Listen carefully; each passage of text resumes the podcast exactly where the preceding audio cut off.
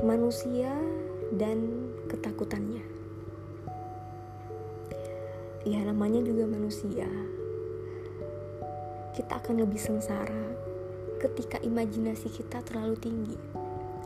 Ketika pikiran kita dikuasai oleh pikiran negatif. Hiduplah di saat ini, bukan di masa lalu. Di masa lalu yang tempat pernah terjebak.